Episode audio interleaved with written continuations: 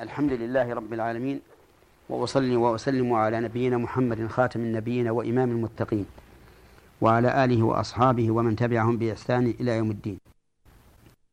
سبق أن تكلمنا على قول الله تعالى يسألونك ماذا ينفقون؟ قل ما أفقتم من خير فللوالدين والأقربين واليتامى والمساكين وابن السبيل. بتفسير موجز. والآن نتكلم عن فوائد هذه هذه الآية. فمن فوائدها حرص الصحابة رضي الله عنهم على أن تكون لهم مبنية على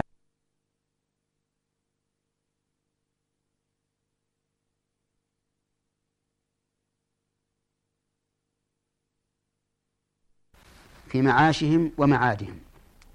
لقوله يسألونك ماذا ينفقون. ومن فوائدها الكف عن التنطع في السؤال عما لم يرد السؤال عنه من ما مما يتعلق بأسماء الله وصفاته. وذلك لأن معرفة أسماء الله وصفاته هي أفضل أنواع المعارف وأشدها ضرورة. فإذا لم نعلم أن الصحابة سألوا عنها وهم يسألون عما هو دونها بكثير. علمنا أن السؤال عنها بدعة. ولهذا لما قال رجل للإمام مالك بن أنس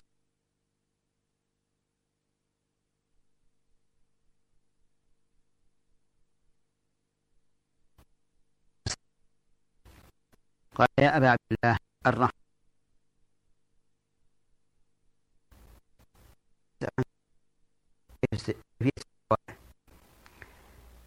فلعظم السؤال ونكارته من هذا الرجل.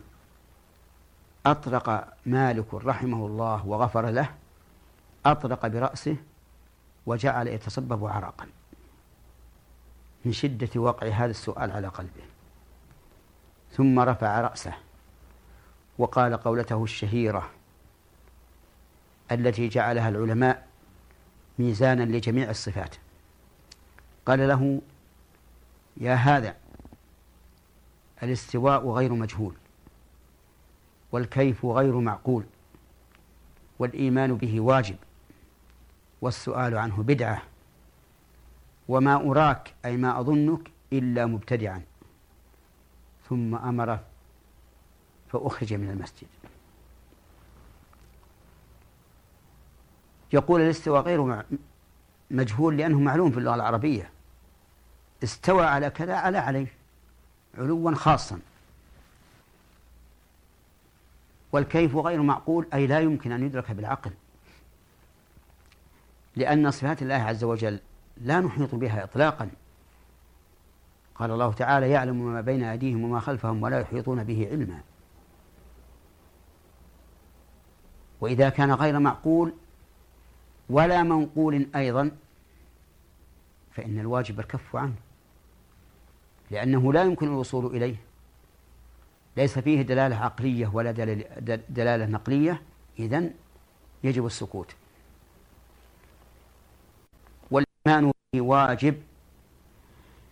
يعني أن تؤمن بأن الله استوى على العرش واجب. الله تعالى ذكره في كتابه في سبعة مواضع.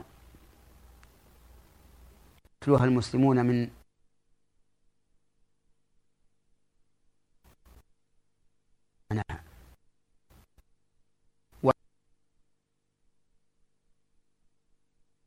الكريم نزل عربيا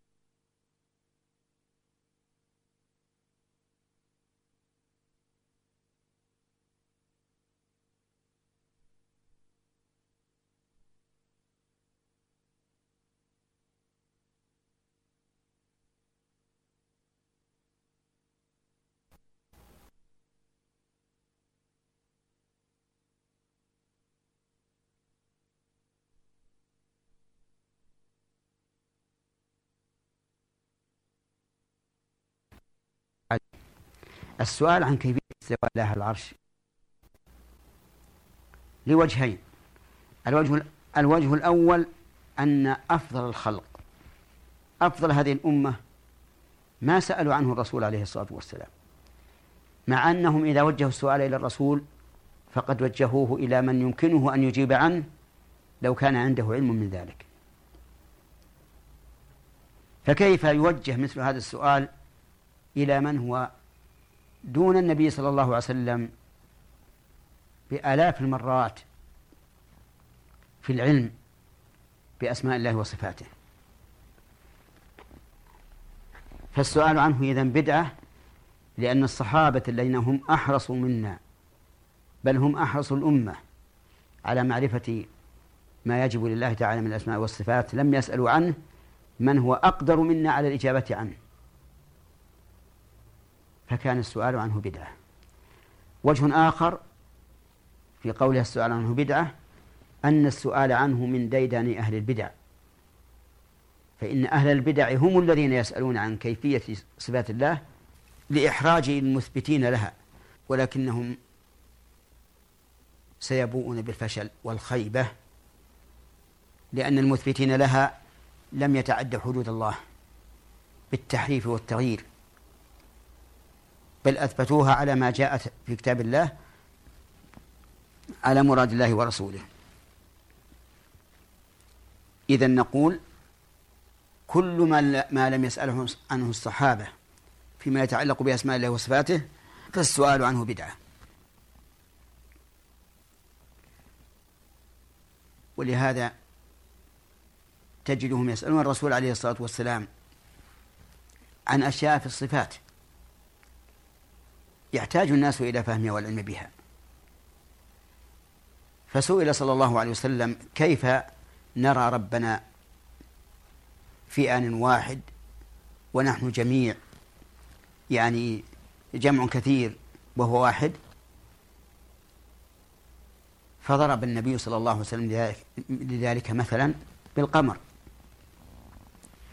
قال كلكم يرى القمر وهو في مكانه. والقمر آية صغيرة من آيات الله عز وجل. يراه الناس كل في مكانه. فالرب عز وجل أعظم وأجل في إمكان رؤيته عز وجل من جميع من جميع من ينظر إليه وهو واحد وهم جميع. ومن فوائد هذه الآية الكريمة ما أشرنا إليه أن الصحابة رضي الله عنهم يسألون عن الشيء ليعملوا به حتى يكون عملهم على بصيرة وعلى برهان. ولكن هل الناس اليوم في سؤالهم يريدون هذا أي يريدون أن يعملوا بما أجيبوا به؟ إن كثيرا من الناس اليوم يسأل ليضرب أقوال العلماء بعضها ببعض. فينظر ما عند هذا العالم وما عند هذا العالم وما عند هذا العالم. وهذا وإن كان والحمد لله قليلا بالنسبة لعامة الناس لكن يوجد من تجده يقف عند عتبة باب كل عالم لينظر ما عنده فقط لا ليعمل بما عنده من العلم. وهذا خطأ عظيم ولذلك ننصح إخواننا إذا أشكل عليهم شيء من العلم اختاروا أقرب إلى الصواب في علمه أمانته فيسألونه ثم يقتصروا على ما قال ولا يسأل أحد غيره. لكن لو فرض أنهم سمعوا بعض وأفتاهم بما عنده وهم مقتنعون به لو سمعوا فيما بعد عالما آخر يقرر بالأدلة خلاف ما أفتوا به فحينئذ يجب عليهم الرجوع إلى ما دلت عليه الأدلة. لكن لا مانع من أن يناقشوا العالم الثاني الذي خالف الأول بالأدلة فيقول قال لنا بعض الناس ولا يقول قال فلان قال لنا بعض الناس إن الحكم كذا وكذا. فما الجواب عن قوله؟ فالعالم بالأدلة لا بد أن يجيب. وإذا لم يكن عنده علم قال اعرضوا ما قلت بالأدلة على الذي أفتاكم أولا وانظروا ماذا ماذا يكون جوابه. والإنسان يجب عليه أن يحتاط لدينه احتياطا تاما لأن الاحتياط للدين أشد من الاحتياط للدنيا. أرأيت؟ الإنسان يريد أن يسافر إلى بلد. أليس يسأل عن طريقه؟ من أين يكون؟ وعن طريقه هل هو آمن؟ وعن طريقه هل هو سهل؟ وما أشبه ذلك. طريق الآخرة وهو شرائع الله يجب أن يحتاط لها أكثر مما يحتاط لطريق الدنيا. ومن فوائد الآية الكريمة فضيلة الإنفاق. لقوله ما أنفقتم من خير. ولا شك أن الإنفاق الذي يبتغى به وجه الله خير. قال النبي صلى الله عليه وعلى آله وسلم لسعد بن أبي وقاص رضي الله عنه واعلم أنك لن تنفق نفقة تبتغي بها وجه الله إلا أجرت عليها حتى ما تجعله في فم امرأتك. أي نفقة؟ تنفقها تبتغي بها وجه الله؟ تؤجر عليها. حتى ما يكون واجبا عليك. معاوضة عن منفعة. كالذي تجعله إذا ابتغيت به وجه الله أجرت عليه. ولهذا أنصح إخواني بالهم نية ابتغاء وجه الله عز وجل عند الإنفاق حتى ما تأتي به من الخبز لأهلك يفطروا به ليفطروا به تأتي به من اللحم ليجعلوه في الغداء أو في العشاء إذا ابتغيت به وجه الله أثبت عليه. وما أكثر ما يضيع علينا في هذا الباب. ما أكثر ما نأتي بالنفقة إلى أهلنا لمجرد التمتع بها فقط. نسأل الله أن يوقظ القلوب لما فيه الخير. من فوائد هذه هذه الآية الكريمة أن الإنفاق على على الوالدين يأتي في الذروة. لقوله قل ما أنفقت من خير فللوالدين. على أن كثير من الناس اليوم يفهم أن الإنفاق على غير الوالدين والأقربين أفضل وهذا غلط. الصدقة على القريب صدقة وصلة فهي أفضل. ولما حث النبي صلى الله عليه وسلم على الصدقة قال عبد الله بن مسعود لامرأته زينب قال لها أنا وولدك أو يعني أولى من أنفقت عليه وأحق من أنفقت عليه فأشكل عليها الأمر كيف تنفق على زوجها وولدها وهم أحق فيكون أحق الناس؟ فذهبت إلى النبي صلى الله عليه وسلم تستفتيه فيما قال عبد الله بن مسعود فقال صدق صدق عبد الله. أنت وولده أحق من أنفقت عليه وهو زوجها وولدها. ومن فوائد هذه هذه الآية الكريمة أنه ينبغي مراعاة الأحق فالأحق لقول فالوالدين والأقربين واليتامى والمساكين. ومن فوائد هذه الآية الكريمة بيان رحمة الله عز وجل. في آه، أنه رحم هؤلاء الذين يستحقون من اليتامى والمساكين وابن السبيل.